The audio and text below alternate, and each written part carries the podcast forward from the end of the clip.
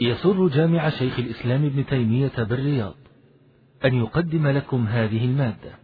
الحمد لله رب العالمين والصلاة والسلام على أشرف الأنبياء والمرسلين نبينا محمد وعلى آله وصحبه أجمعين. قال المصنف رحمه الله تعالى باب تخفيف الصلاة بالناس.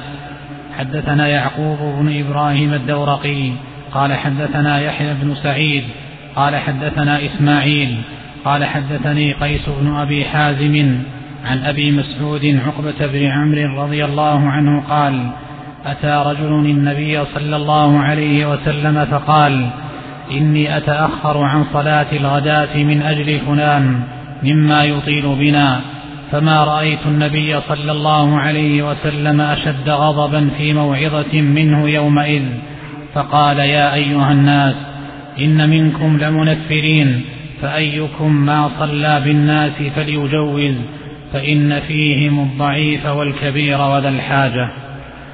الحمد لله رب العالمين والصلاة والسلام على نبينا محمد وعلى آله وأصحابه وأتباعه بإحسان إلى يوم الدين. قال الإمام محمد بن جارود حافظ رحمه الله باب تخفيف الصلاة بالناس. أي أيوة والعمل بالسنة فإن السنة من عمل بها فإنه يكون حجة له ويمنع كلام الناس ما دام عاملا بالسنة وكان عليه الصلاة والسلام أخف الناس صلاة في تمام فكانت صلاته مع تمامها خفيفة وجاءت السنة بصفة صلاته عليه الصلاة والسلام ببيانها قولا وفعلا فلها حد في الزيادة ولها حد فيما دون ذلك وكله من السنة فلا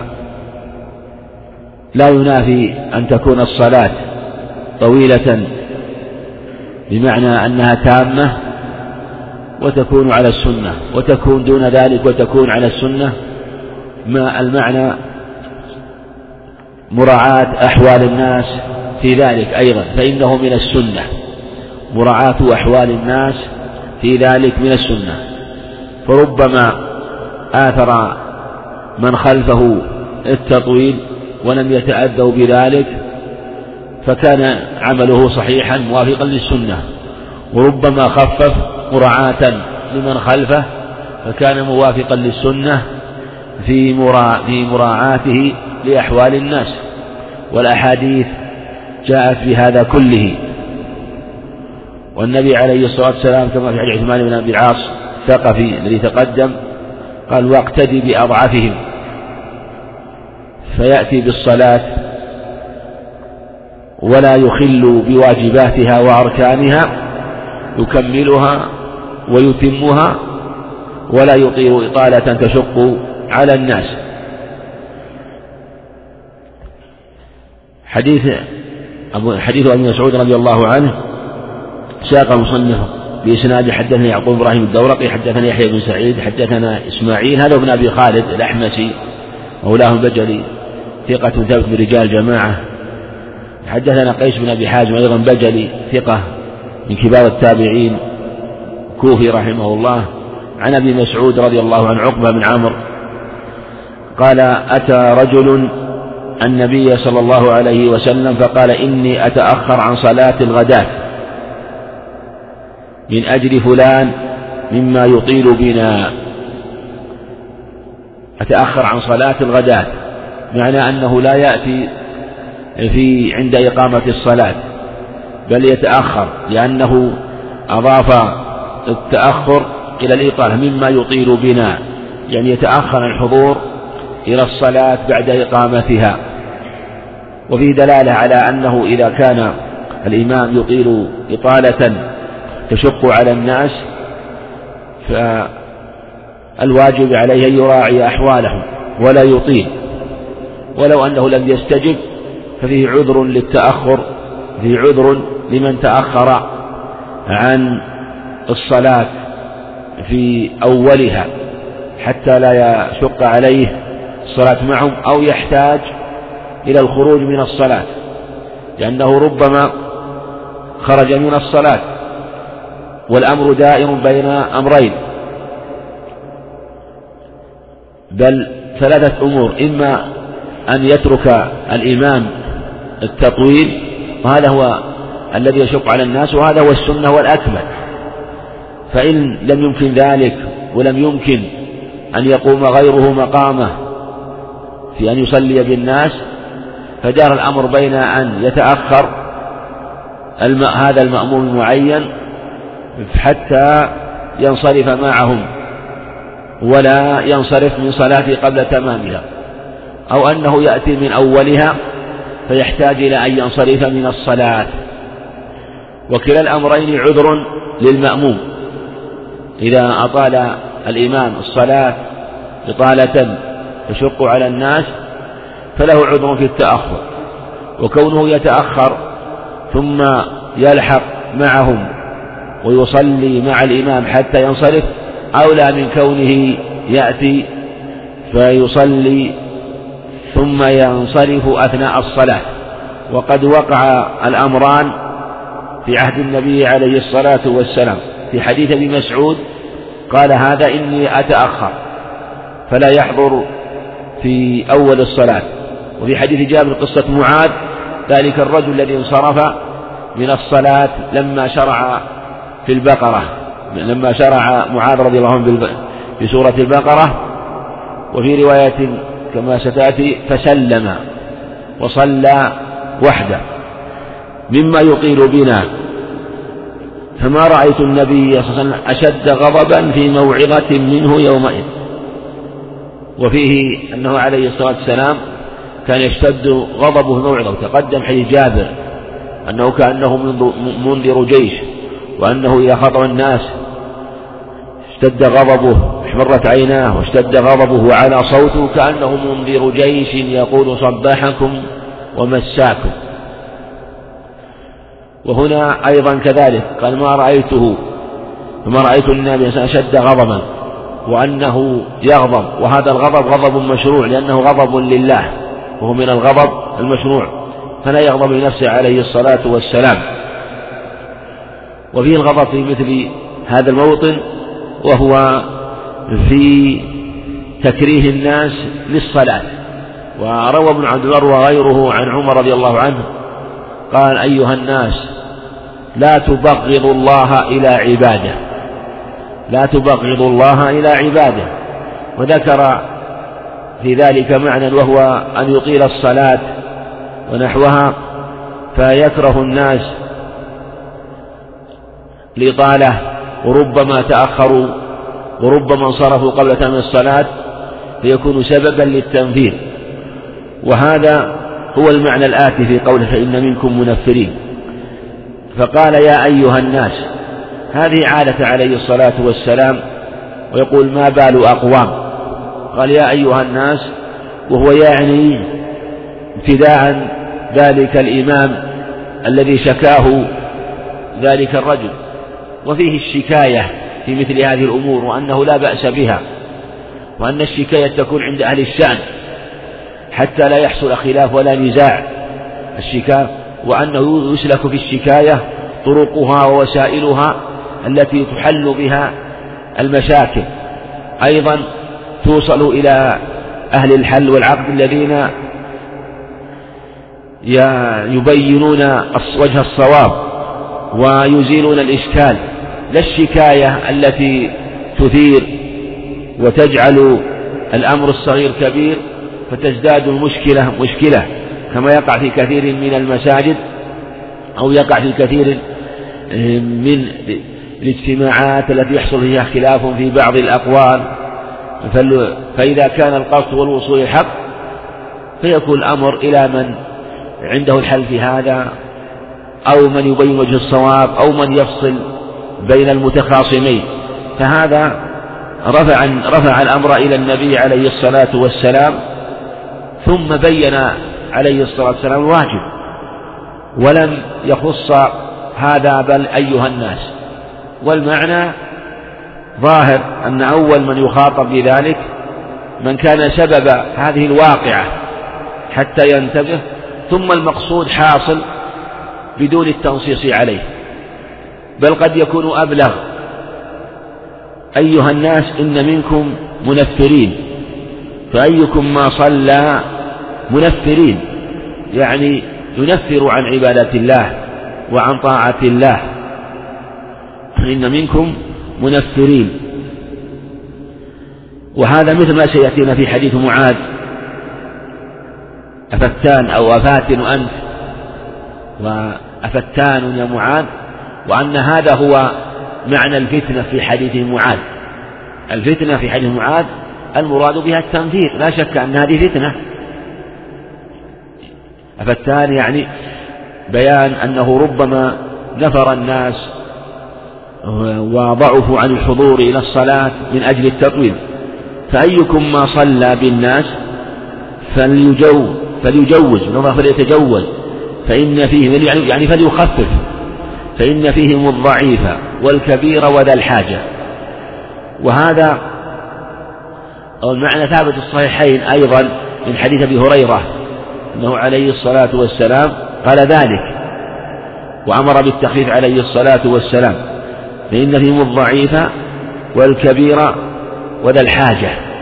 وجاء بألفاظ أخرى أيضا. جاء بألفاظ أخرى والمعنى أنه إذا صلى لنفسه كما في اللفظ الصحيح إذا صلى أحد لنفسه فليطول ما شاء. وإذا صلى للناس فليخفف. لفظ الصحيحين فإن فيهم السقيم والضعيف وذا الحاجة. جاء السقيم أيضا الصحيحين فكل هذه الألفاظ تبين أن المشروع لمن يصلي بالناس أن يراعي أحواله. وقد ثبت في الصحيحين من حديث أبي قتادة رضي الله عنه عليه الصلاة والسلام قال إني لا أدخل في الصلاة أريد أن أطولها فأسمع بكاء الصبي فأخفف مخافة أن أشق على أمه. ثبت أيضا هذا المعنى حيث أنس في صحيح البخاري كذلك في حديث عثمان بن أبي العاص في صحيح مسلم أنه قال له ذلك إذا أممت الناس فخفف وإذا صليت نفسك فطول ما شاء ما شئت. فمن أراد يصلي نفسه فليطول ما شاء. فالصلاة في الأوقات التي تشرع فيها الصلاة وهي في كل الأوقات الأوقات المنهي عنها. كما في عمرو بن عبسة. ثم ليصلي فإن الصلاة محظورة. يعني يعني فالصلاة في هذه الأوقات لا بأس بها إلى وقت النهي أو مشهودة. فليصلي ما شاء فليطول ما شاء. لكن إذا صلى بالناس فليراعي أحوالهم خاصة إذا وقع شكاية أو كان هناك ضعيف أو كبير. وفي هذا دلالة على حرص الشريعة على جمع الناس وعدم تفرقهم. فإذا طول ربما يتأخر واحد أو اثنان فإذا فتح الباب للتأخر صار بابا للكسالى فيتأخر الثالث والرابع هذا يتأخر لعذر التطويل ثم يفتح باب الباب لتأخر غيره وربما اعتل بالعلة التي يعتل بها الضعيف وهو ليس بضعيف. إن كان في الأصل لا يشق عليه ذلك لكن لما طول وشق على الضعيف ولم يستجب ولم يخفف نفر هذا الكبير أو الضعيف أو الذي لديه ما يشغله في بعض حاجات أموره فيفتح الباب لغيره ممن ليس مثله فيتفرق الناس. والمقصود هو الاجتماع صلاة الجماعة ولو فاتت بعض الأمور. أهم ما يكون تحصيل الجماعة واجتماع الناس ولو فات بعض ما يكون مطلوبا في الصلاة. ولذا يشرع الجمع للمطر الظهر والعصر والمغرب والعشاء حتى لا يحصل التفرق. تقدم الصلاة في حال الخوف والاجتماع ولو فات ما فات.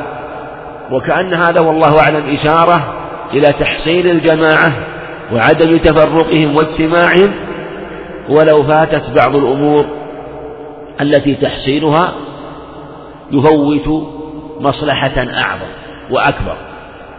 ولهذا قال وإذا صلى لنفسه فليطول ما شاء. نعم. والحديث في الصحيحين وما تقدم وإسناده هنا صحيح. نعم. حدثنا ابن المقرئ قال حدثنا سفيان عن عمرو عن جابر رضي الله عنه قال كان معاذ رضي الله عنه يصلي مع النبي صلى الله عليه وسلم العشاء. ثم يرجع فيؤمنا فأخر النبي صلى الله عليه وسلم الصلاة ذات ليلة فجاء معاذ فقرأ بسورة البقرة فلما رأى ذلك رجل تأخر فصلى ثم خرج فلما فرغوا قالوا يا فلان نافقت قال لا ولكني سآتي النبي صلى الله عليه وسلم فأخبره قال فجاء إلى النبي صلى الله عليه وسلم فقال إن معاذا كان يصلي معك ثم يرجع فيؤمنا وإنك أخرت الصلاة البارحة فجاء فقرأ بسورة البقرة فلما رأيت ذلك تنحيت فصليت وإنما نحن أصحاب نواضح وعمال أيدينا فقال النبي صلى الله عليه وسلم أفتان أنت؟ اقرأ بسورة كذا وسورة كذا. قال أبو الزبير عن جابر اقرأ بسورة سبح وهل أتاك والليل إذا يغشى ونحوها نعم. حدثنا ابن حدثنا سفيان عن عمرو عن جابر رضي الله عنه قال كان معاذ رضي الله عنه يصلي مع النبي صلى الله عليه وسلم العشاء. يعني صلاة فرض يعني يصلي صلاة العشاء فينويها كما ينويها النبي عليه الصلاة والسلام فرضا. ثم يرجع فيؤمنا. وقد صلى مع النبي عليه الصلاة والسلام. وكانوا رضي الله عنهم يصلون يصلون خلفه وكان متنفلا وهم وهم مفترضون. قال فيؤمنا. فأخر النبي صلى الله عليه وسلم ذات ليلة.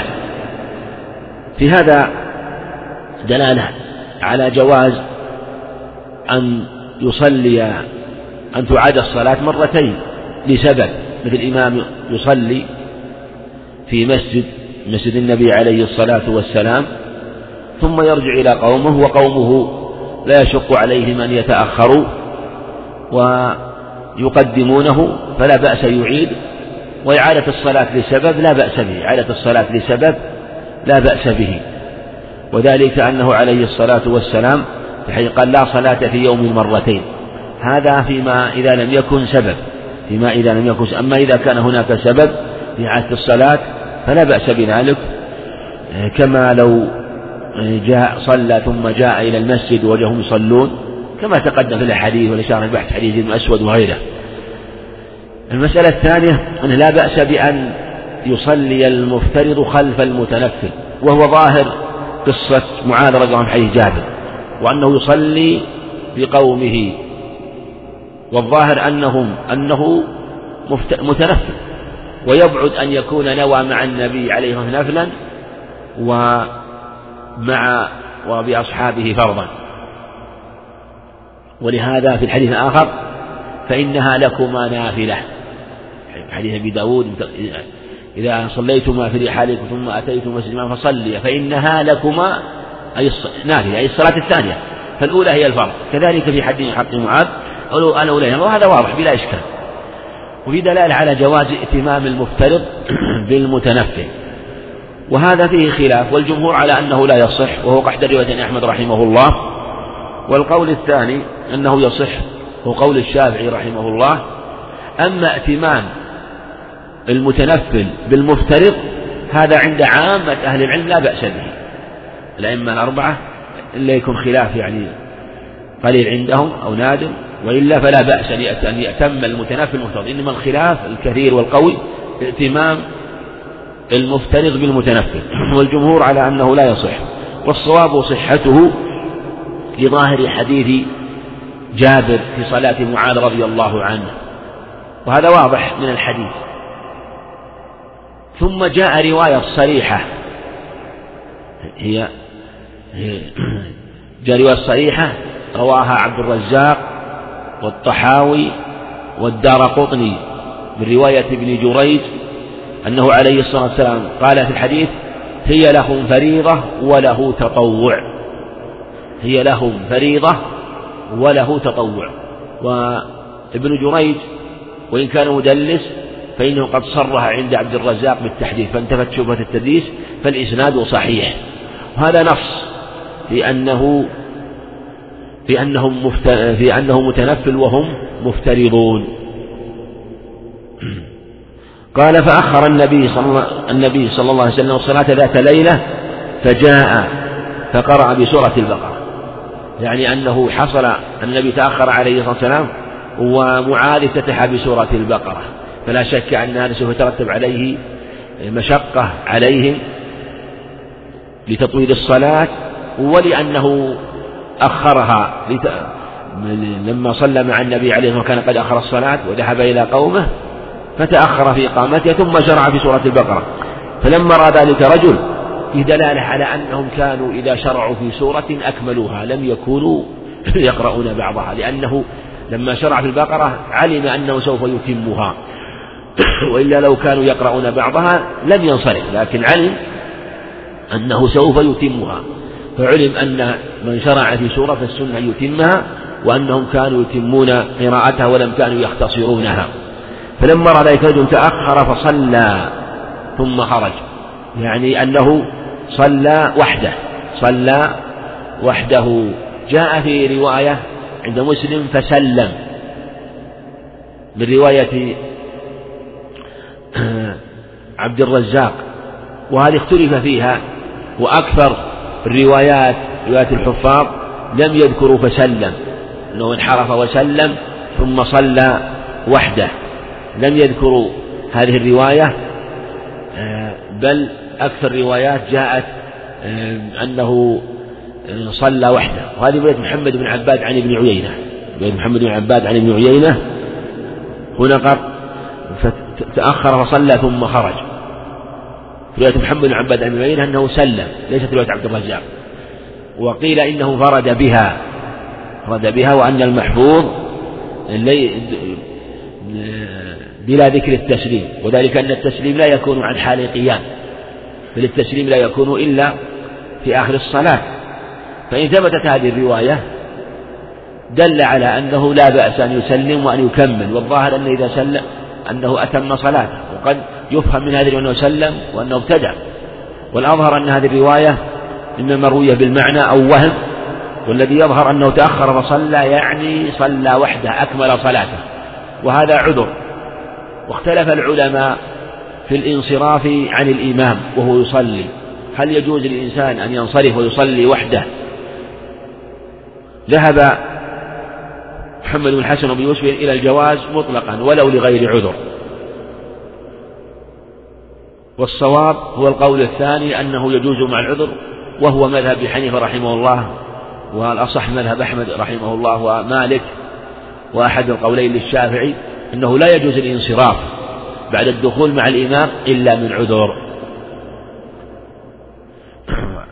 ولهذا ذلك الرجل جاء إلى النبي عليه الصلاة والسلام لأنه فعل هذا وتأول واجتهد وفيه الاجتهاد أيضا في عهد النبي عليه الصلاة والسلام لكنه جاء وسأله عن مثل هذا فلم ينكر عليه عليه الصلاة والسلام بل أنكر على معاذ دل على جواز مثل هذا وأنه لا بأس في من شق عليه إكمال إتمام الصلاة آه، فيكون معذور لأمر يتعلق بتجارته أو آه، بأمر يتعلق بأهله تحتاج إلى أن ينصرف فلا بأس بذلك إذا كان هناك حاجة كما تقدم. فلما فرغوا قالوا قالوا يا قالوا يا فلان نافق. في الأخرى أن معاذ أنهم ذكروا لمعاذ فقال نافق فلان أو قال هو منافق. تأول قال ولكن قال ولكني سآتي النبي صلى الله عليه وسلم فأخبره. قال لا. ويعلم من نفسه وأنه فعل ذلك لعذر وقد علم اليسرى من شريعته عليه الصلاة والسلام. قال لا ولكني سآتي النبي عليه الصلاة والسلام فأخبره يعني بما وقع وبما حصل. فقال فجاء إلى النبي عليه الصلاة والسلام فقال إن معاذا كان يصلي معك. العشاء يعني. ثم يرجع فيؤمنا. وإنك أخرت الصلاة البارحة. دلالة على أنه أتاه من الغد. من الغد وأنه لم يبادر ولم يعني يأتي إلى النبي عليه الصلاة والسلام في الليل حتى لا يشق عليه. ولهذا انتظر قال البارحة. فجاء فقرأ بسورة البقرة. فلما رأيت ذلك تنحيت يعني لأني علمت أنه سوف يتمها. وسوف يطيل ويشق علينا. ثم قال فصليت وإنا نحن أصحاب نوارة وعمال أيدينا. يعني في في نخيلهم. فيعملون من أول النهار ويشق عليهم ذلك. فقد يذهب عامة الليل. ما دام أنه افتتح بالبقرة. ثم الركعة الثانية إلى نهاية الصلاة. فقال الناس أفتان أنت؟ في اللفظ في الرواية الأخرى الصحيح كررها ثلاثا عليه الصلاة والسلام. وهذا تقدم أن المراد بالفتنة هنا هو التنفير تنفير الناس عن الصلاة بالإطالة فيها. اقرأ بسورة كذا وكذا. الشمس وضحاها والليل إذا يغشى ونحوها ونحوها من سورة قال أبو زهير عن جابر في بعض اقرأ بسورة سورة سبح وهل أتاك والليل إذا يغشى والليل إذا يغشى ونحوهما.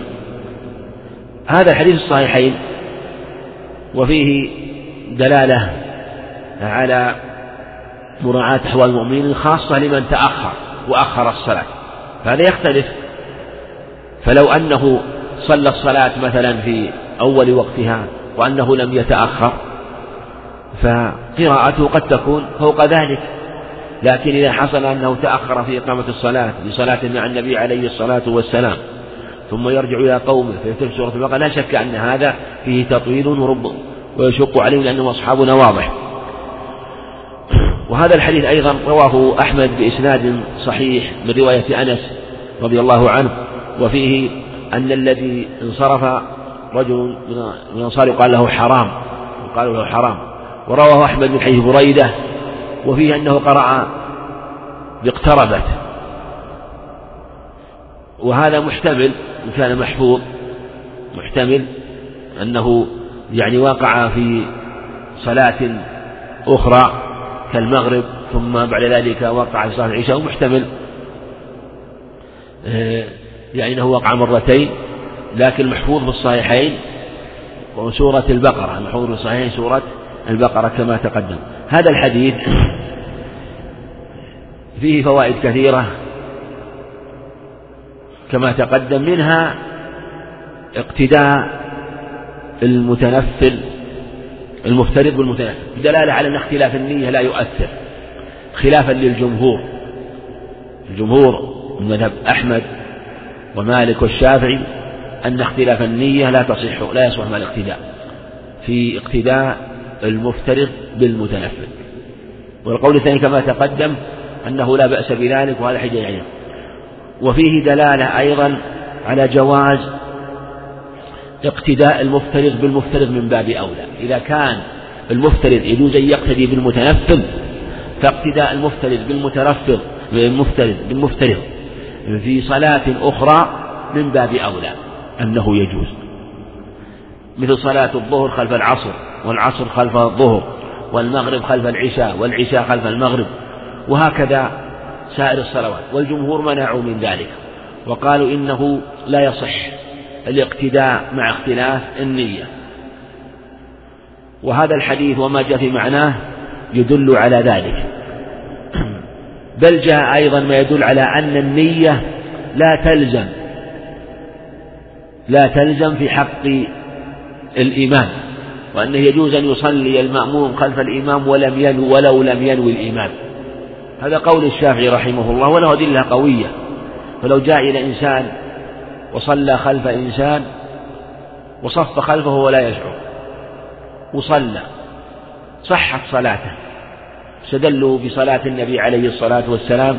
في صحيح حديث عائشة لما رأوا شخص النبي عليه الصلاة والسلام وجعلوا يصلون خلفه صفوا خلفه ولم يشعره بذلك عليه الصلاة ولم ولو أنه فرض ذلك لبين لبين لهم ذلك عليه الصلاة والسلام حتى ينوي.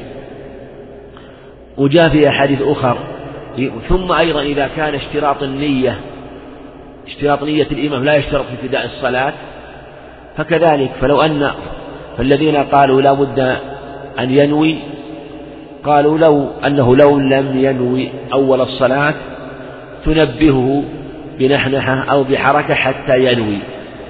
فقالوا إذا كان ما نوى من أول الصلاة فالنية لابد أن تكون مقارنة للتكبير. فكونها يجوز أن تتأخر عن التكبير تكبير الإحرام يدل على أنه ليست لازمة وليست واجبة. فلو صلى خلفه وهو لا يشعر صحة صلاته لكن الأحوط والأبرع هو أن يشعره بذلك خروجا من خلاف من أبطلها. لكن لو أن شيئا وقع فيما مضى لا نلزمه بالإعادة ولا يخفى الاحتياط. فعلى هذا مسألة اقتداء المفترض بالمفترض كما تقدم لا بأس بها لا بأس بها من جهة جواز اقتداء المفترض بالمتنفل. وتجري مسائل كثيرة خاصة في صلاة المسافر خلف المسافر. مثل صلاة المسافر صلاة المغرب خلف العشاء أو العشاء خلف المغرب أو صلاة المسافر خلف المقيم. إذا دخل المقيم وصلى خلفه صلاة المغرب أو صلاة العشاء وهو يصلي إحدى هاتين الصلاتين. هذا جائز على قول جيد واختاره تقي الدين رحمه الله وجده صاحب المنتقى وهو قول الشافعي من حيث الجملة. ولكن في بعض الصور ربما منعوها. هم يقولون يجوز اقتداء المفتي المنفرد لكن لم كثير من أهل العلم الذي اختار قول لم يجروه في جميع الصور. بعض الصور التي في اختلاف الأفعال توقفوا فيها. ولها صور منها صلاة المغرب خلف من يصلي العشاء. المغرب خلف من يصلي العشاء. فالذي يصلي العشاء إما أن يكون مسافر وإما أن يكون مقيم. فإن كان مقيما فإن كان مسافرا صلى ركعتين. فإذا صلى ركعتين فالمسافر فالذي يصلي المغرب يقوم ويأتي بركعة ويسلم. وإن كان الذي يصلي العشاء الذي يصلي العشاء مقيما إذا كان مقيما فهو يصلي أربع. فأنت إذا صليت المغرب تصلي خلفه ثلاث ركعات فإذا قام إلى الرابعة تجلس وتتشهد تجلس وتتشهد. وهذا المقيم هذا المقيم له أحوال. تارة يكون م... الذي يصلي أربع. تارة يكون يصلي أربع وهو في البلد. تارة يكون يصلي أربع وهو في البلد. هذا كذلك تصلي خلف الثلاث ثم تجلس وتتشهد.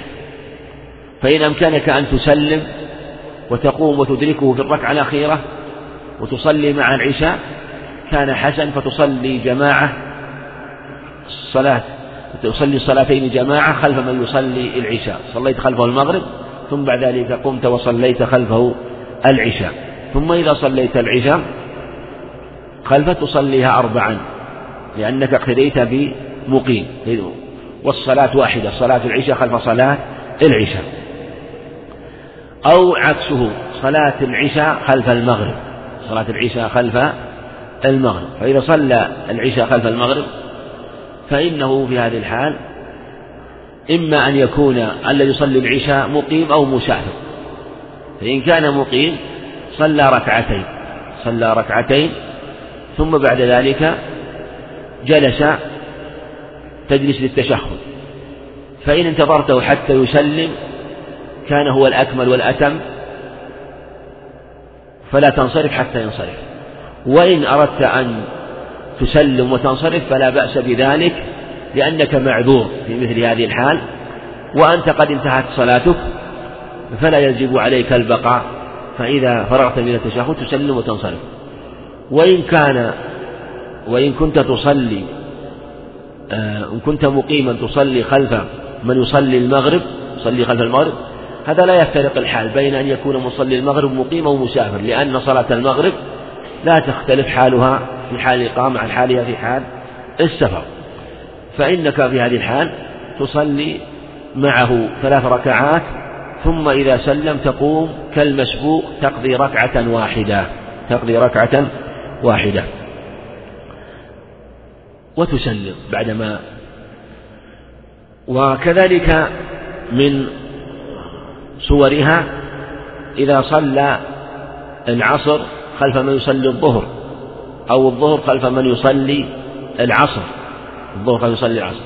هذا إذا كان في البلد لا إشكال كلاهما يصلي أربعا. فإذا صلى الظهر خلف من يصلي العصر صلى أربعا بلا إشكال. وإذا صلى العصر خلف من يصلي الظهر صلى أربعا لأن الجميع مقيمون مقيمون. ولا يضر اختلاف النية بل هو مفترض خلف مفترض وجاز على الصحيح تحسينا للجماعة. بقي إذا صلى العصر أو الظهر خلف من يصلي العصر الظهر خلف من يصلي العصر. وكان أحدهما وكان الإمام مقيما. كان مقيما مقيما. في هذه الحال إذا صلى الظهر خلف من يصلي العصر هل نجريها كما سبق مثل صلاة العشاء خلف المغرب؟ فيصليها ركعتين يصليها ركعتين لأنه مسافر أو يصلي أربعا يصلي أربعا لأنه يصلي صلاة الظهر خلف العصر وهذه الصلاة تتفق معها في الصورة ولا تختلف فلا يختلف عليه فيصلي أربعا. هذه الله أعلم. يعني في هل يقال يصلي ركعتين؟ إذا نظرنا إلى أصل صلاة المسافر وأن المسافر يصلي ركعتين وأن اليقين والمشروع في حقه ركعتان. هذا هو المشروع في حقه. فلا ينتقل عن هذا اليقين إلا بيقين. فلا نقول إنه يصلي فلا نقول إنه يصلي ركعتين يصلي ركعتين إلا بيقين مثل أن يصلي أنه يترك اليقين وهو صلاة ركعتين وينتقل أربع إلا بأن يصلي الظهر خلف الظهر. هذا أحد الأقوال يعني هذا يعني مما يقال في هذه المسألة يعني مما يقال في هذه المسألة. فيمكن يقال والله أعلم أنه في هذه الحال يصلي ركعتين يصلي ركعتين وذلك أنه مسافر أنه مسافر والمسافر صلاته ركعتان. بل بعض العلماء قالوا يجب ذلك يجب ذلك. وهنا قول ابن حزم وجمع العلم أن من أدرك ركعتين من صلاة المقيم يصلي ركعة. وهذا وإن كان قول ضعيف فيبين آه، أن المتأكد في حق المسافر صلاة ركعتين. فنبقى على هذا. فإذا صلى الظهر خلف العصر ولو كان مقيما إذا كان مقيما فإنه يصليها ركعتين. هذا إذا كان ليصلي العصر مقيم. لكن عندنا صورة أخرى. إذا كان الذي يصلي العصر مسافر وصلاها أربع. صلاها يعني أربعا مثل أنت صليت صورة أخرى. صليت العصر خلف إنسان يصلي العصر. أنت مسافر وهو مسافر.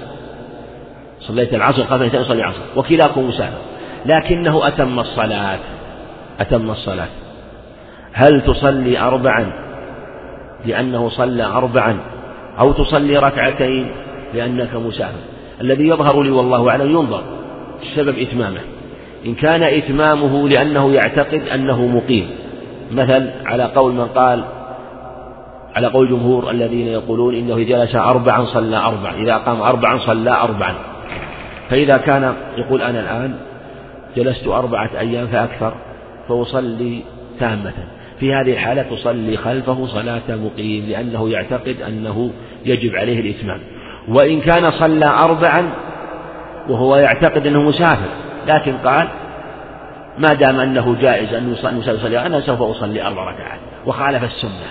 فالأظهر والله أعلم أنك تصلي خلفه ركعتين ولا تصلي أربعا ولو صلى ولو كانت العصر خلف العصر. ولو كانت العصر خلف العصر. وذلك أنه ترك المشروع. ترك المشروع. ثم أيضا أنت حينما تصلي ركعتين وتجلس ليس فيه مخالفة. قد يقول قائل طيب ألا نتبعه ولو خالف؟ نقول خالف غير متأول. لكن لو أنه خالف متأول أو ترى أو نسيان مثل من ترك التشهد الأوسط فنتابعه مثلا لكنها تركها بلا تأويل وفعله هذا عند بعض العلم لا يجوز فلا يتبع فمن ترك أمرا مشروعا وأمكن الإتيان به فإنك تأتي به فلو كان إمامك لا يسبح الركوع تأتي به. وهكذا لو كان لا يرفع اليدين ترفع اليدين في في الانتقالات التي في في في الإحرام والركوع والرفع منه والقيام من التشهد الأول ما تترك هذا. كذلك هذا ما فيه خلاف ليس فيه خلاف على المأموم على الإمام. فتأتي بالأمر المشروع في هذه الحال. وهنا تأتي مسألة. قد يقول قائل طيب أليس من صلى خلف المقيم فإنه يتم الصلاة. فدل على أن أنه يشرع لإتمام الصلاة خلف المقيم. فيجري هذا في كل حتى لو أنك مثلا صليت مثلا الظهر خلف من يصلي العصر. أنت الآن لو تصلي الظهر أنت مسافر وصليت الظهر خلف إنسان يصلي العصر. قلنا الأظهر أنك تصليها ركعتين. تصليها ركعتين. مع أن يقول مع أنك تقول لو صليت الظهر خلف من يصلي الظهر صليها أربعا. لماذا لا أصليها أربعا إذا صليت الظهر خلف من يصلي العصر؟ فالصفة واحدة والهيئة واحدة إنه اختلاف في النية. فكما أني أصلي وأنا مسافر الظهر أربعا خلف من يصلي الظهر فكيف لا أصلي الظهر أربعا إذا كنت مسافر خلف من يصلي العصر؟ وليس فيه خلاف الصورة واحدة. الذي يظهر لي والله أعلم أنه في هذه الصورة صورة الإتمام خلف المقيم تكون في صورة واحدة وهي ما إذا اتحد الفعل والنية مثل الظهر خلف الظهر العصر خلف العصر. فإذا كنت تصلي خلف الإمام ويصلي الظهر وأنت مسافر وهو مقيم في هذه اتحدت نيتك ونية الإمام. نية الإمام الظهر وأنت نيتك الظهر. والنية يلب الأعمال وخلاصتها. في أن لا يحسن أن تخالفه بل من باب الاجتماع والائتلاف أن توافقه ولا تخالفه. أما حينما يحصل اختلاف في النية ويجوز جاز ما هو أيسر وهو أن تخالفه في الأفعال على وجه لا يحصل فيه مشاقة له. لأن النهي عن اختلاف الذي يكون فيه اختلاف عليه. والنبي عليه الصلاة والسلام قال إنما جعل الإمام ليؤتم به فلا تختلفوا عليه كما في الصحيحين أيضا فلا تختلفوا عليه.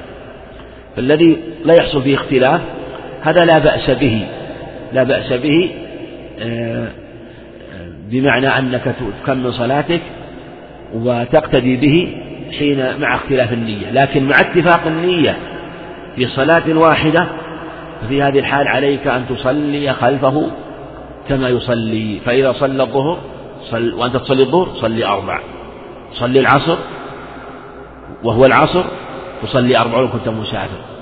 وعلى هذا يحمل حديث وعلى هذا جاء حديث ابن عباس الذي في صحيح مسلم موسى بن سلمة في سؤالهم لابن عباس أنهم إذا صلوا مع إذا صلوا وحدهم صلوا ركعتين. صلوا ركعتين. قال تلك السنة. فظاهر الحديث في رواية مسلم أنهم إذا صلوا مع الإمام صلوا أربعا. ولم تذكر رواية مسلم. جاءت في رواية أحمد إذا صلينا وحدنا قصرنا وإذا كنا ما يتون قال تلك السنة. وبعضهم تكلم في رواية أحمد وقال إنها وهم وأن الصواب رواية مسلم. ورواية مسلم ليس فيها ذكر الإتمام إنما فيها ذكر صلاة القصر. لكن واضح من رواية مسلم أنهم استفسروا عن اختلاف صلاتهم مع في حال اختلاف صلاة إذا صلوها وحدهم يصلونها قصرا. وأنهم إذا صلوها مع الناس أتموها. وهذا هو سبب السؤال. وهذا واضح في رواية مسلم وإن لم يذكر. أفصحت رواية أحمد رحمه الله وإسنادها لا بأس به. ومن تكلم فيه هو من رجال البخاري رحمه الله. محمد عبد الرحمن الطفاوي راوي هذا الخبر. فالإسناد جيد. وعلى هذا نقول إنه يتم إذا صلى مع الإمام. وبما يلزمه الإتمام بما يلزمه الإتمام. والمسألة فيها أقوال ابن حزم وجماعة يقولون لا يصلي إلا ركعتين على كل حال. لا يصلي إلا ركعتين. وهذا قول ضعيف. وذهب مالك رحمه الله اختار التقي الدين إلى أنه إذا أدرك ركعة مع الإمام صلى أربعا في الرباعية وإن لم يدرك ركعة يدرك ركعة فيصلي قصرا. وذهب الجمهور إلى أنه يصلي أربعا على كل حال إذا أدرك الإمام قبل تسليمه. وهذا هو ظاهر حديث ابن عباس. ولعم الأدلة إنما جعل يتم به. فكل من صلى مع إمام إذا صليت مع الإمام في الصلاة لتتفق معه فيها في النية. وكذلك الفعل اتفقت النية اتفق الفعل. يعني نية الظهر ونية الظهر. فتصليها أربعا. هذا هو قول الجمهور وهو الأقرب في هذه المسألة. نعم. حدثنا إسحاق بن منصور قال أخبرنا أبو داود قال حدثنا شعبة عن موسى بن أبي عائشة عن عبيد الله بن عبد الله بن عتبة عن عائشة رضي الله عنها أن رسول الله صلى الله عليه وسلم أمر أبا بكر رضي الله عنه أن يصلي بالناس قالت فكان رسول الله صلى الله عليه وسلم بين يدي أبي بكر رضي الله عنه قاعدا وأبو بكر يصلي خلفه. قال أبو داود حدثنا شعبة عن الأعمش عن إبراهيم عن الأسود عن عائشة رضي الله عنها أن أبا بكر كان المقدم.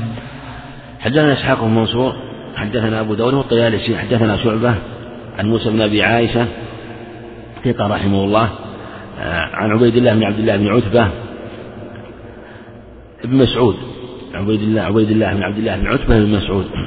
عن عائشة رضي الله عنها أن رسول الله صلى الله عليه وسلم أمر أبا بكر رضي الله عنه أن يصلي بالناس. لما مرض عليه الصلاة والسلام أمر أبا بكر يصلي بالناس. هذا ورد في أحاديث عدة عنه عليه الصلاة والسلام وصلى أبو بكر بالناس أيام. قال فكان رسول الله صلى الله عليه وسلم بين يدي بكر. في في بعض الأيام خرج عليه الصلاة والسلام وصلى بالناس. فكان رسول بين يدي أبي بكر رضي الله عنه قاعدا وأبو بكر يصلي خلفه. يعني يتم يتم أبو بكر, أبو بكر بالنبي عليه الصلاة والسلام والناس بأبي بكر. قال أبو داود حدثنا شعبة عن الأعمش عن إبراهيم عن أسود عن عن عائشة رضي الله عنها أن أبا بكر كان المقدم. كان المقدم. وهذا سيأتي طريق آخر أيضا يبين هذه الرواية وهذه رواية أنه عليه الصلاة وهذا أن أبو بكر كان المقدم هذا على رواية أن أبا بكر صلى بالنبي عليه الصلاة والسلام. صلى وتقدم. وهذا جاء في رواية من حديث عائشة حديث أنس عند الترمذي أن أبا بكر صلى بالنبي عليه الصلاة والسلام. هذا يظهر أنه صلى في بعض الروايات آه، وتقدم رضي الله عنه وتقدم رضي الله عنه وقيل إنه كان يبلغ صوت النبي عليه الصلاة والسلام أنه كان يبلغ صوت النبي عليه الصلاة والسلام. ورواية عائشة كما تقدم يدل على أنه صلى عليه السلام خلف أبي بكر في بعض الأحايين وفي بعضها خرج وصلى بهم. وكان الناس قائمين وكان أبو بكر يأتم بالنبي عليه الصلاة والسلام ويبلغ صوته يبلغ صوته. والناس يصلون بصلاة أبي بكر والإمام هو النبي عليه الصلاة والسلام. نعم. والحديث في الصحيحين ستأتي الرواية الأخرى. نعم. حدثنا محمد بن يحيى قال حدثنا محمد بن عيسى قال حدثنا حفص بن غياث قال حدثنا الأعمش عن إبراهيم عن الأسود قال ذكر عند عائشة رضي الله عنها المحاف قال؟ قال ذكر عند عائشة رضي الله عنها المحافظة على الصلاة. قالت لقد رأيت النبي صلى الله عليه وسلم يخرج به يهادى بين اثنين تخط قدماه الأرض فانتهي به إلى أبي بكر وهو يصلي بالناس. فأجلس عن يسار أبي بكر رضي الله عنه فكان أبو بكر يصلي بصلاة النبي صلى الله عليه وسلم والناس يصلون بصلاة أبي بكر رضي الله عنه. قال أبو محمد وهكذا رواه أبو معاوية عن الأعمش أن رسول الله صلى الله عليه وسلم جاء فجلس عن يسار أبي بكر رضي الله عنه. وفي حديث أبي إسحاق عن أرقم عن ابن عباس رضي الله عنهما فأتم أبو بكر بالنبي صلى الله عليه وسلم وأتم الناس بأبي بكر. حدثنا محمد بن يحيى حدثنا محمد بن عيسى قال حدثنا حفص بن غياث قال حدثنا الأعمش عن إبراهيم عن أسود وهذا الإسناد إسناد صحيح إسناد صحيح قال ذكر عند عائشة رضي الله عنها. المحافظة على الصلاة قالت لقد رأيت النبي صلى الله عليه وسلم. والحديث الصحيحين. إلا آخر الحديث قوله هو حديث إسحاق عن أرقم عن ابن عباس. هذه آه، رواية أرقم وهو ابن شرحبيل وصلها ابن ماجه رحمه الله في سننه وقال حافظ إن إسنادها حسن. رأيت النبي يخرج به هذا بين اثنين. يعني أنه يعضد له اثنان عليه الصلاة والسلام يحملانه لشدة مرضه عليه الصلاة والسلام وحرصه على الصلاة كما تقدم في قول مسعود رضي الله عنه ولقد رأيتنا يؤتى برجل يؤتى فيهادى بين اثنين فكان عليه السلام مع شدة مرضه آه، أتي به يهادى بين اثنين تخط قدمه أرض فانتهى به إلى أبي بكر ويصلي بالناس. فأجلس, فأجلس عن يسار أبي بكر رضي الله عنه. يعني كان هو الإمام عليه الصلاة والسلام وكان أبو بكر عن يمينه. وهذا شاهد لما تقدم أيضا في الحديث يتقدم معنا حديث سهل بن سعد. سهل بن سعد الساعدي في خلاف النزاع اللي بين بين بني عمرو بن عوف وجاء وشق الصفوف عليه الصلاة والسلام وكان أبو بكر قد صلى فتقدم عليه الصلاة والسلام وكان قد شرع في الصلاة فصلى بالناس وأكمل الصلاة. فكان أبو بكر يصلي بصلاة النبي صلى الله عليه وسلم والناس يصلون بصلاة أبي بكر. هو يعني فيه دلالة على يعني أنه أحرم عليه الصلاة والسلام دلالة على أن الإمام يعني أو أن المأموم ربما أحرم قبل الإمام. جواز إحرام المأموم قبل الإمام. إحرام المأموم قبل الإمام. لأن بكر رضي الله عنه كان قد صلى بالناس ابتدأ ثم جاء النبي عليه الصلاة والسلام وكان ودخل في الصلاة بعد إحرامهم. ثم كان أبو بكر إمام. كان أبو بكر مأموم بعد أن كان إمام رضي الله عنه ومن كان والذين كانوا معه اقتدوا بالنبي عليه الصلاة والسلام. فكان بكر يصلي بصلاة النبي صلى الله عليه وسلم والناس يصلون بصلاة أبي بكر رضي الله عنه. وهذه مسألة تنفع في مسألة لو أن إنسان مثلا آه، دخل يصلي دخل يصلي صلاة الظهر يظن الناس قد صلوا. دخل يصلي صلاة الظهر يظن الناس قد صلوا. دخل المسجد فرأى الناس يصلون ظن أنهم قد فرغوا من الصلاة وأن هذا وأنهم منهم من يصلي الراتبة ثم أقيمت الصلاة وهو يصلي. قيمت الصلاة وهو يصلي. نقول على هذا القول لا بأس أن تدخل معهم ولو كنت قد أحرمت بالصلاة. لا بأس تدخل معهم. ولا حاجة تقلبها نافلة حاجة تقلبها نافلة معنى أنك تجعل صلاتك نافلة وتدخل معهم. بل تدخل معهم وإن كنت قد أحرمت قبل الإمام أحرمت قبل الإمام وعلى ظاهر أيضا القصة اللي في الصحيحين أنه عليه الصلاة والسلام لما أنه دخل وصلى دخل في الصلاة دخل في الصلاة كما الصحيحين. دخل في الصلاة ثم أشار إلى الناس وتذكر أن عليه جنابة عليه الصلاة والسلام ثم ذهب واغتسل. جاء في الرواية عند أبي داود وكبر. من حيث أبي بكر هو. جاء أنه كبر. رواية الصحيحين ما فيها في دخل في الصلاة. وظاهر أنه أنه كبر. وأشار إليه فبقوا فبقوا بصلاتهم ثم اغتسل وجاء ورأسه يقطر ثم صلى بهم عليه الصلاة والسلام. فظاهر هذا أنهم ماذا؟ أحرموا قبله. أحرموا قبله. وأتموا به عليه الصلاة والسلام. وأتموا به. فكان أبو بكر يصلي بصلاة النبي صلى الله عليه وسلم. والناس أبي بكر رضي الله عنه. قال أبو بكر قال محمد هكذا رواه أبو معاوية عن الأعمش أن رسول الله صلى الله عليه وسلم جاء فجلس عن أبي بكر رضي الله عنه. حديث إسحاق عن أرقم هو هو بن شرحبيل عن ابن عباس رضي الله عنه. فأتم أبو بكر بالنبي صلى الله عليه وسلم وأتم الناس بأبي بكر. هذا الحديث من أظهر فوائده جواز صلاة القائم خلف يعني جواز الاهتمام بالإمام ولو كان قاعدا.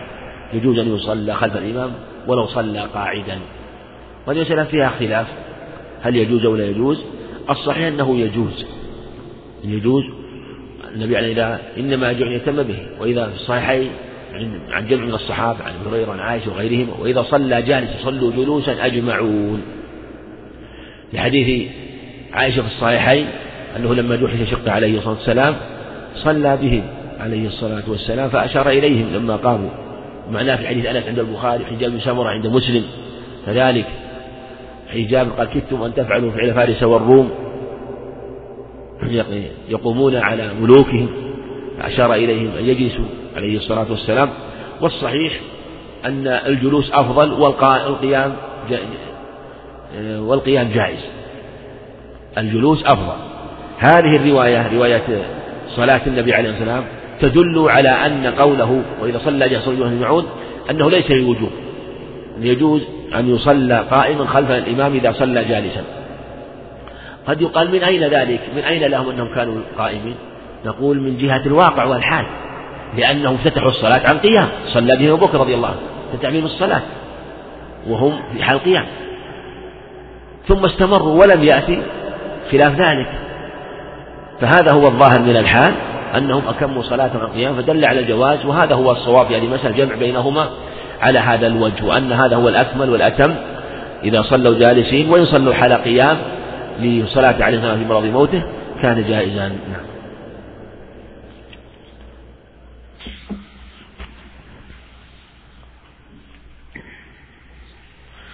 الله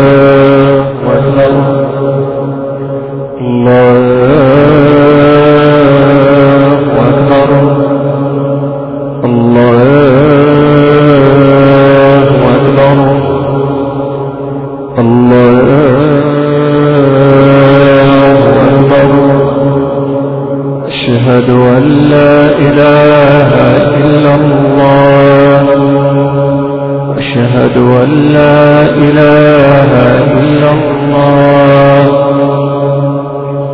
أشهد أن محمد رسول الله. أشهد أن محمد رسول الله. حي على الصلاة. حي على الصلاة. حي على الفلاح. حي على الفلاح. الله أكبر. الله أكبر.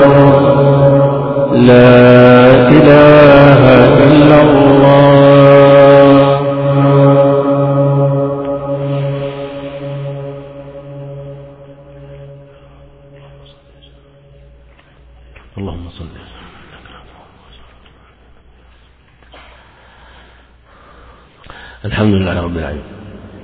إذا كما تقدم أن السنة أن يقتدى بالإمام في جميع أحواله ولا فرق على الصحيح بين إمام وإمام. ولا فرق بين إمام وإمام. يفرق بين إمام الراتب وغيره لكن لا ينبغي أن يكون يرتب إمام راتب للناس وهو لا يستطيع القيام فلو كان إمام راتب ثم عرض له ذلك فحل يصلى خلفه جالسا لو صلى جالسا. ولو لم ولو لم يكن إمام راتب مثلا وصلى بالناس هو أقام الصلاة صلى ثم صلينا خلفه وجلس وهو معذور صلينا جلوسا. أو صلى بنا ثم عرض له أمر فجلس نجلس. يعني جاز هذا وجاز القيام. إذا كنا قد ابتدأناها قياما وهذا هو المشهور مذهب أحمد رحمه الله التفريق بين أن يبتدأ قيام وبين أن إيه، يعرض له يعني تبدأ الصلاة قيام ثم يعرض أمر فيجلس. فيقول يصلي يكملونها قياما وبين أن يبتدئها جالسا. وبالجملة أنه هذا هو الأكمل فإن صلوا قياما جاز لدلالة صلاته موت عليه الصلاة والسلام. نعم. حدثنا محمد بن يحيى قال حدثنا سليمان بن حرب قال حدثنا وهيب بن خالد قال حدثنا سليمان الأسود عن أبي المتوكل عن أبي سعيد الخدري رضي الله عنه أن النبي صلى الله عليه وسلم رأى رجلا يصلي في المسجد فقال ألا رجل يتجر على هذا فيصلي معه؟ نعم. حدثنا حول بن حدثنا سليمان بن حرب هو الأزدي الواشي حدثنا وهيب بن خالد حدثنا سليمان بن الأسود هو الناجي عن أبي المتوكل عن أبي سعيد الخدري وهذا حيث رواه أبو داود والترمذي وإسناده صحيح. وفيه أن النبي عليه الصلاة والسلام يصلي في المسجد. فقال أرى يتجر على هذا فيصلي معه. هذا فيه فوائد. أولا فيه أن الصلاة في المساجد. وأنه لا بأس من إعادة الجماعة في المساجد مرة ثانية. قال ألا رجل يتجر على هذا فيصلي معه. وفيه جواز صلاة المتنفل خلف المفترض هذا عند عامة العلم. وذلك الذي يتجر معه متنفل وهذا مفترض وصلاة أيضا الجماعة كما تقدم في المساجد وأن لا بأس بإعادتها خلافا لجماهير الفقهاء الذين كرهوا ذلك. والصواب لا بأس حتى ولو كانت في المساجد الراتبة والأدلة على هذا كثيرة. من هذا الحديث وهو أنه عليه الصلاة والسلام أمر أن يصلى معه تقام جماعة يصلون ولو جاء واحد أو اثنان ثلاثة فلا بأس. وهذا هو الثابت عن الصحابة عن أنس رضي الله عنه كما روى البخاري عن أنس معلقا مجزوما به ووصله أبو يعلى من طريق الجعد بن عثمان أن أنس رضي الله عنه مر بمسجد بني ثعلبة وكان قد صلى فيه فصلى بأصحابه رضي الله عنه. وروى ابن ابن أبي شيبة عن مسعود أيضا أنه مر بمسجد قد صلي فيه فصلى بمن معه بالأسود ومسروق وعلقة وصلى بهم جماعة رضي الله عنه.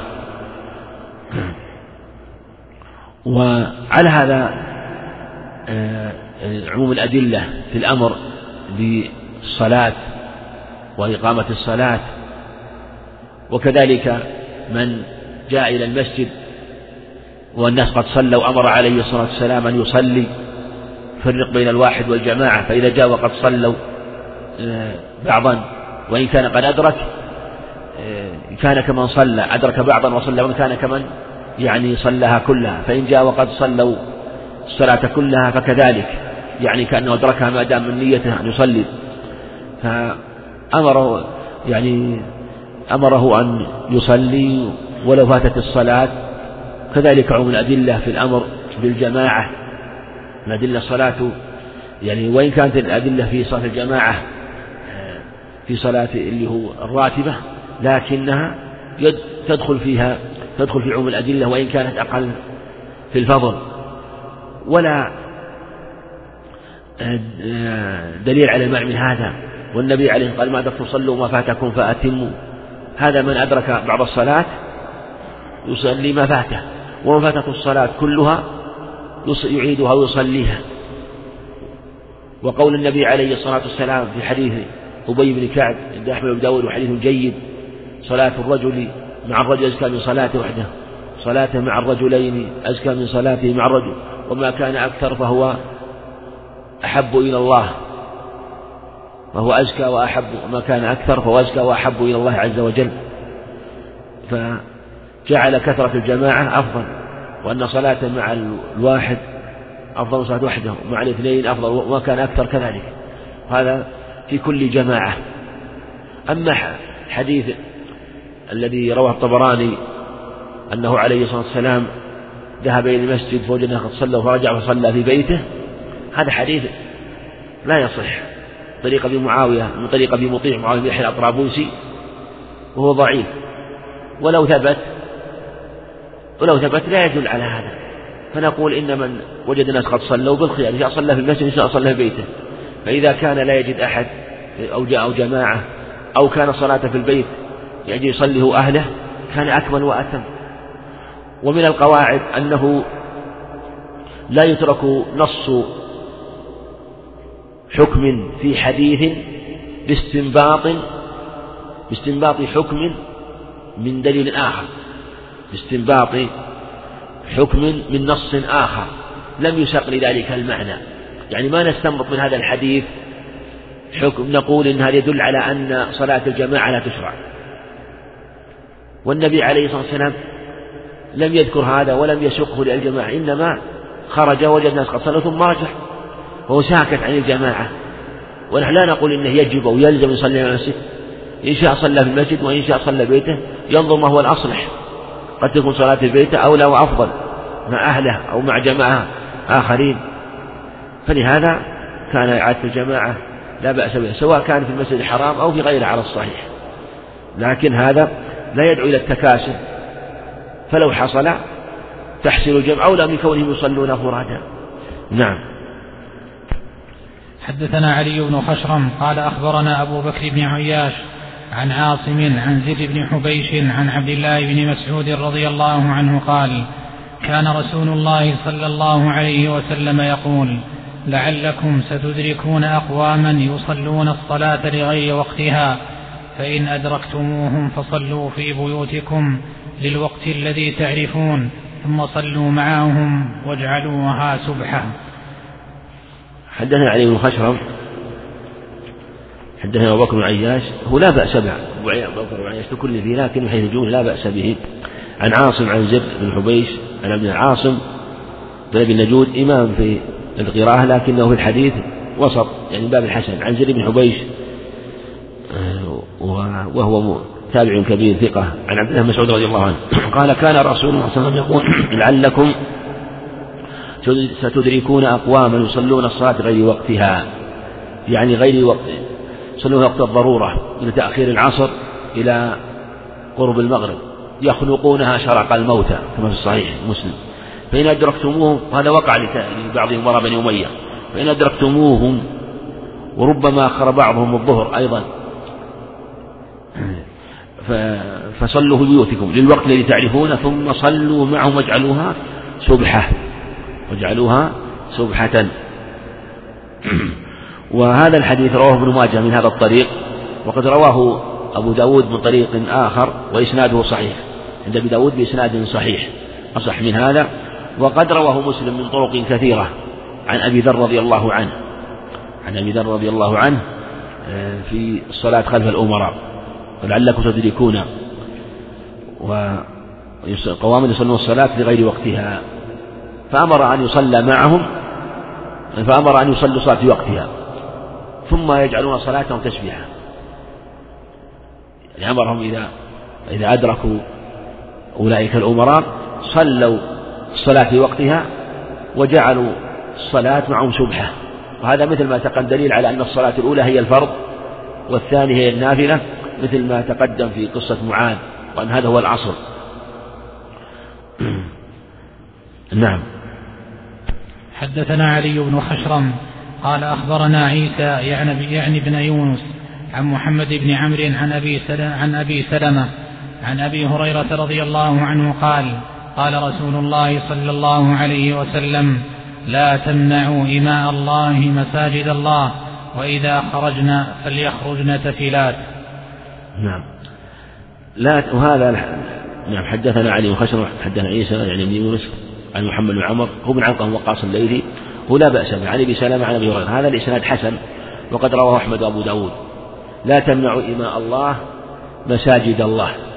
لا تمنعوا إماء الله مساجد الله وإذا خرجنا فليخرجن تفيلات. الحديث الصحيحين مختصر عن ابن عمر. لا تمنعوا إماء الله مساجد الله. هذا في الصحيحين. وعند أحمد وأبي داود زيادة أيضا عن ابن عمر وبيوتهن خيرهن هذه زيادة وإذا أخرجنا فليخرجن تفيلات عن ابن عمر وبيوتهن خير لهن. من زيد بن خالد أيضا الجهني عند أحمد بلفظ حديث أبي هريرة لا تمنعوا إماء الله مساجد الله وليخرجن وهن تفلات يعني التي تكون ثيابها ليست ثياب زينة. ولا فيها رائحة حتى لا تفتن أو تفتن. وهذا حديث في معناه حديث كثيرة في الحث على صلاة المرأة في بيتها. لكن لا تمنع بشروطها. في حديث امرأة زين امرأة عبد مسعود أي امرأة صارت بخورا فلا تشهد معنا العشاء الآخرة. جاء هذا معنى حديث أبي هريرة أيضا. وجاء في حديث أم حميد عند أحمد حديث لا بأس بها أنها قالت يا رسول إني أحب الصلاة معك.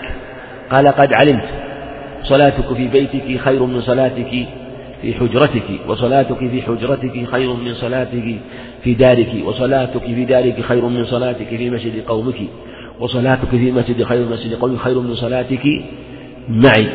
معي. وجاء أيضا حديث مسعود عند أبي داود جيد صلاة المرأة في بيتها خير من صلاتها في حجرتها وصلاتها في قعر بيتها خير من صلاتها في بيتها في بيتها. وذكر بيتا آخر وهو آه، يعني آخر البيت وهو آخر البيت. آه، وكذلك أيضا حديث مسعود حديث أم سلمة خير بيوت النساء أو أقرب ما تكون المرأة من ربها وهي في قعر بيتها في إلى وجه ربها وهي في قعر بيتها. والمعنى أنه أقصى مكان البيت ولهذا حديث أم حميد أنها عملت إلى أقصى مكان في بيتها وأظلم بيت في بيتها فجعلت تصلي فيه حتى لقيت ربها فلم تخرج منه رضي الله عنه للمسجد وكانت تصلي فيه. وكلها يدل على فضل صلاتها في بيتها وجاء في الحديث أنها في حديث مسعود أنها إذا خرجت إذا خرجت استشرف الشيطان لكن من أخذت بالآداب الشرعية والحشمة صلت المسجد فلا بأس. فالنبي عليه قال لا تمنعي ما الله مساجد الله. وكانت امرأة عمر رضي الله عنه تصلي في المسجد في عهده رضي الله عنه.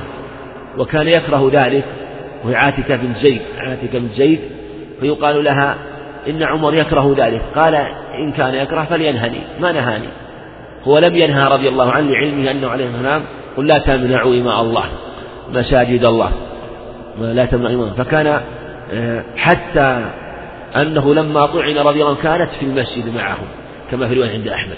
طعن وكانت في المسجد تصلي رضي الله عنها وقال لما قال بلال بن عبد الله في رواية وفي رواية واقد ابن ابنه والله لنمنعهن يتخذنه دغلا فضرب في صدره. وقال أحدثك عن رسول الله وتقول امنعهن في رواية أنه هجره فلم يحدثه فلم يكلمه حتى مات. هذا محمول على أنه مات قريب يعني لكنه أدب رضي الله لما اعترض بالرأي على السنة وأن واجب الامتثال. وكنا نساء الصحابة يصلين في عهد النبي عليه الصلاة والسلام يقول يا معشر النساء لا ترفع رؤوسكن حتى يستوي الرجال جلوسا فلا بأس من صلاتها.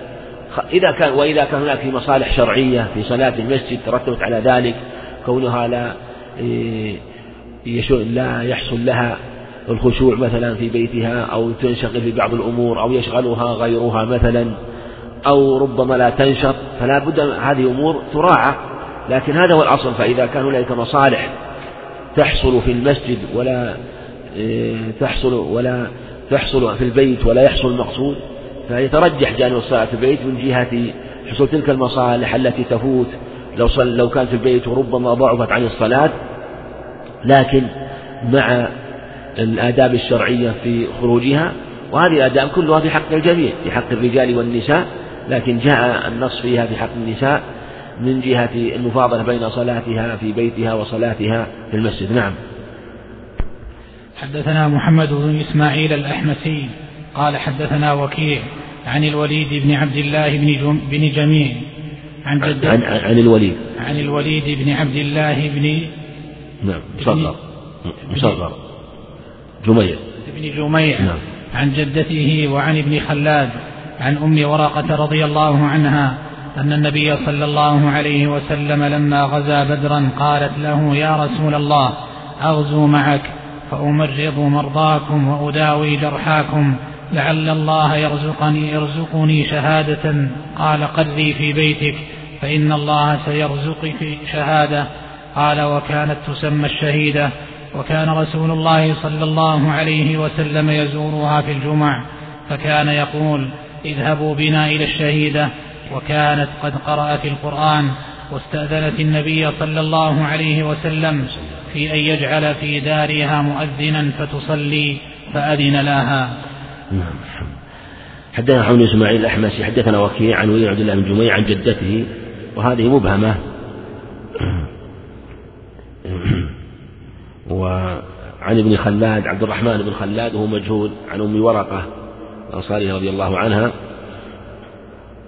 الحديث بإسناد ضعيف إيه، لجهالة جدة الوليد وكذلك جهالة عبد الرحمن. أو عن جدي عن جدته تكون مجهولة يعني ليست مبهمة نقول مبهومة مبهمة. ففيها مجهولات. والحديث هذا إسناد ضعيف. وفيه أنه النبي صلى الله عليه وسلم لما غزا بدرا قالت له يا رسول أغزو معك فأمرض مرضاكم وداوي جرحاكم الله يرزقني شهادة. هذا ثبت أيضا في الأخبار البخاري وغيره في مشاركة المرأة في هذا النحو في الجهاد في سبيل الله. قال قر في بيتك فإن الله سيرزق في شهادة. هذا وقع لها يعني إن ثبت هذا الخبر فإنه وقع كما جاء في الرواية عند أحمد وغيرها أنها قتلها قتلت في عهد عمر رضي الله عنه وأنها دبرت غلاما لها أو غلمانا لها فرموها وقتلوها كما ذكر في رواية لكن الخبر كما تقدم في ثبوت جميع النظر. وكانت تسمى الشهيدة يعني لخبر النبي عليه الصلاة والسلام عنها في هذا الخبر وكان رسول الله يزورها في الجمع. وكان يقول ذهبنا إلى الشهيدة وكانت قد قرأت القرآن وسألت النبي صلى الله عليه وسلم فنجعل في دارها مؤذن فتصلي فأذن لها. هذا الحديث وثبت دل على أنه مشروعية الأذان للنساء وكذلك الإقامة من باب أولى. لكن الخبر لا يثبت. وأكثر أهل العلم أن لا بأس من جماعة النساء وهذا هو المشهور مذهب أحمد والشافعي خلافا لأبي حنيفة ومالك. وأن جماعة النساء لا بأس بها إذا اجتمعنا وصلينا فالمرأة إما أن تصلي مع الرجال وإما أن تصلي وحدها فإذا آه، صلى صلينا وحدهن وصلينا جماعة كان حسن كان حسنا يصلينا جماعة. وقد جاءت آثار في هذا رواه عبد الرزاق بن شيبة عن أم سلمة وعن عائشة رضي الله عنها وأنها كانت تؤم النساء وكانت تقوم وسطهن رضي الله عنها. وجاء أيضا عند روى عبد الرزاق عن ابن عباس أيضا أنه آه، يعني أذن بذلك وأمر بذلك في قال أو قال لا بأس أن تؤم المرأة النساء وتقوم وسطهن. ومن العلم من قال إنها تتقدم كما يتقدم الرجل والأصل في مثل هذا أنها إذا كانت تؤم فلا بأس أن تتقدم. ومنها من قال إن إن هذا أخذ عن الصحابة عن عائشة وعن أم سلمة وعن ابن عباس وقالوا إنها تكون وسط النساء. فلهذا قالوا لا بأس بجماعة النساء لا بأس بجماعة النساء وإذا كانت الصلاة جهرية فإنها تجهر وإذا كانت سرية فإنها تسر إلا إذا كانت بحضرة الرجال فإنها تسر آه، وتجهر إذا كانت وحدها أو كانت بحضرة محارمها يعني الذين يسمعونها. فجماعة النساء على هذا القول لا بأس به والله أعلم. نعم. قل السلام عليكم ورحمة الله وبركاته. وعليكم السلام ورحمة الله وبركاته. ما حكم تنكيس السور في الصلاة؟ وإذا قرأ سورة الناس والركعة الأولى. هل يقرأ؟ هل يقرأها في الركعة الثانية كي لا يقع؟ مكروه. نقول تنكي يعني ما ما, ما يعتبر تنكيس. التنكيس هذا لو كان في ركعة واحدة لكن إذا كان في ركعات فهذا لا بأس وجاء ما يدل عليه يعني أنه يقرأ سورة ويقرأ التي قبلها فلا بأس أو يقرأ سورة ويقرأ ولا يقرأ التي بعدها يقرأ التي بعد التي بعدها كما قرأ النبي البقرة والنساء ثم آل عمران. وترتيب السور على المعروف عند جميع إنه ترتيب اجتهادي من الصحابة رضي الله عنهم هم الذين رتبوه رضي الله عنهم.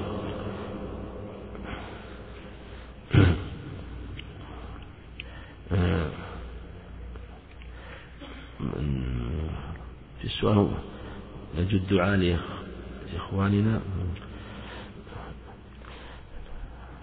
نسأل الله سبحانه وتعالى مو واضح لكن نسأل الله سبحانه وتعالى أن يعز الإسلام وأن ينصر المسلمين وأن ينصر المظلومين وأن يكبت الظالمين وأن يذلهم وأن ينصر دينه ويعلي كلمته بمنه وكرمه. نسأل الله ذلك منه وكرمه. نسأل الله أن ينصر دينه ويعلي كلمته وأن ينصر كل من نصر الدين منه وكرمه. عن صلاة الوتر ثلاثا عن هيئة المغرب سهوا. نقول لا لا يصلي صلاته إذا صلاها سهوا يسجد للسهو. إذا صلى إذا صلى سهوا يسجد للسهو. صلاة الحاجة عن صلاة الحاجة. جاء فيها حديث من طريق من طريق ضعيف رواه الترمذي وما تثبت. رواه الترمذي بحديث ولكن لا تثبت. السلام عليكم ورحمة الله وعليكم السلام أحبك فيما أحبك الله. واجعلنا وإياك وعون إخوان المسلمين متحبين فيه منه وكرمه. ألا يكون السجود والركوع قريب القيام ومتى ندعو في السجود إذا كنا خلفك كثير إما لا نستطيع أن نسبح ثلاثا؟ ألا يكون السجود والركوع قريب القيام نعم كما حديث البراء بن عازب كان قيام النبي عليه الصلاة والسلام فاعتداله فركعته فسجته فجلسته بجلستين قريبا من السواء ما خلا القيام والقعود يعني ما خلا القيام للقراءة والقعود للتشهد. يعني أنه كان عليه الصلاة والسلام صلاته متقاربة. نعم. ما هي السنن الواردة في الشرب؟ وما كيفية التنفس إلى ثلاثة؟ السنن الواردة في الشرب ورد أخبار. جاء أنه عليه الصلاة والسلام كان يتنفس ثلاثة. في حديث أنس. ونهى عن التنفس في الإناء حديث قتادة حديث سعيد الخدري إني لا أرى منه واحد قال أبن القدح عن فيك. حديث ابن عباس الترمذي نهى عن النفخ في الشراب. حديث أيضا كذلك. حديث آخر أيضا في حديث كابشة أنه عليه الصلاة والسلام شرب من القربة وهي معلقة فقطعتها وأخذتها شرب وجانها عن الشرب في السقاء. أحد أحد أقول كثير كثيرة. المقصود أنه أنه يشرع إذا كان يشرب من إناء فيشرب ثلاثا. يشرب ثلاثا. يعني ويتنفس يتنفس في يتنفس يعني يتنفس ثلاثة أنفاس. هذا المراد يعني خارج الإناء.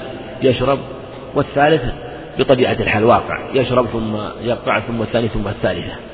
هذا إذا كان يحتاج إلى ثلاثة أنفاس لكن ربما يكون إنسان حاجته من الماء يسيرة فيكفي شربة واحدة لكن إذا كان حاجة يعني حاجته تحتاج ثلاثة أنفاس لكن لو كان يريد أن يشرب شربة واحدة بنفس واحد لا يقال يقطع الشرب إلى ثلاثة أنفاس. إنما يراد إذا أراد كان آه، يريد أن يشرب شربا يحتاج به ثلاثة أنفاس.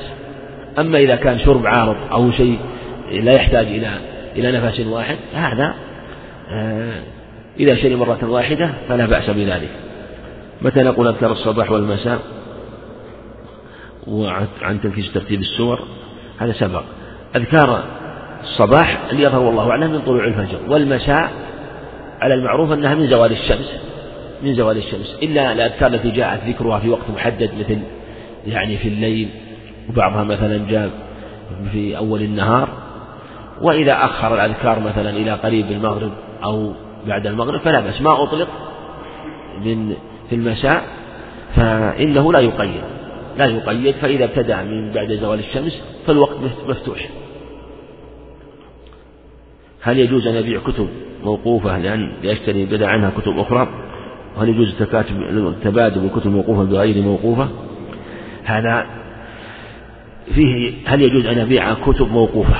الكتب الموقوفة ينظر. إن كانت الكتب الموقوفة يعني سلمت لك أنت. حتى لك أنت ووقفت عليك أنت. معنى أنها توزع هذه الكتب ومن أخذها صارت يملك الانتفاع بها هو. يملك الانتفاع بها دون غيره. في هذه الحالة ملك الانتفاع بها. ملك الانتفاع بها. فإذا استغنى عنها فعليه أن يعطيها غيره يعطيها غيره. لكن إذا قال لا أنا لن أعطي أنا أحتاج أنا الكتب هذه محتاجها. نقول في هذه الحال إذا كان الرجل آه، يعني كتب هذه قال قرأها وفهمها وأراد أن يستبدلها بكتب بكتب خير منها لا في جهة المادة والفائدة ويشتري ويقفها. يجعلها وقف. لا بأس بذلك. القاعدة في الوقف أنه لا بأس من نقله إلى ما هو خير منه. إذا نقل إلى ما هو خير منه لا بأس. لا بأس. كما قال عليه النبي صليها هنا. فلو صليت أنا أدركت كل صلاة تصلي هناك. لما ندى نصلي بيت المقدس. فما يصلي في البيت الحرام لأنه أرفع. فنقل الوقف. أما إذا كان مثله أو جنسه فلا. فقد ثبت حديث عمر حديث أبي هريرة عند عن عمر أنه لما آه، أهدى بختيا قال يا أبيعها. وأشتري بها بدرا قال لا انحرها إياها. ما أذن له عليه الصلاة والسلام لأنها بخثية سمينة كريمة فما أذن له فيها. قال انحرها إياها.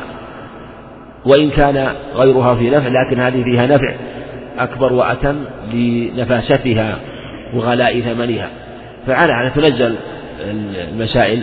إذا كان ينقله إلى وقف أعلى وأرفع مثل لو أن إنسان مصحف في المسجد وقفه إنسان المصحف هذا يعني تلف فأراد إنسان أن يستبدله بغيره وأعطاه إنسان آخر. أخذ المصحف هذا الذي تلفت أوراقه وأعطاه إنسان آخر ملك إياه وأتى بمصحف جديد آه، من هذا من هذا المصحف من جنس هذا المصحف أو أرفع يعني من جهة آه، من جهة آه، النفاسة في في ثمنه.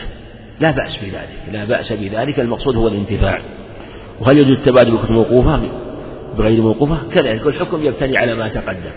إذا كانت كتب الأصل أن بقاء الكتب إذا وقفت الكتب فالأصل أن تبقى. فإذا اشتراها بكتب غير موقوفة هي أرفع منها وأعلى آه، في مادتها وفي ثمنها وحصول النفع أكثر جاهز. لأن التبادل هنا الحقيقة آه، كالبيع كالبيع. السلام عليكم ورحمة الله وعليكم السلام ورحمة الله وبركاته. في بعض مساجد التي تكون طريق السفر التي تكون طريق سفر. يصلي بنا ناس لا نعرف عن عقيدتهم كأن يظهر في صلاة حركات يفعله بعض الشيعة. فهل يجب علي أن أقطع الصلاة ولا يجب صلاة الجماعة المسافر؟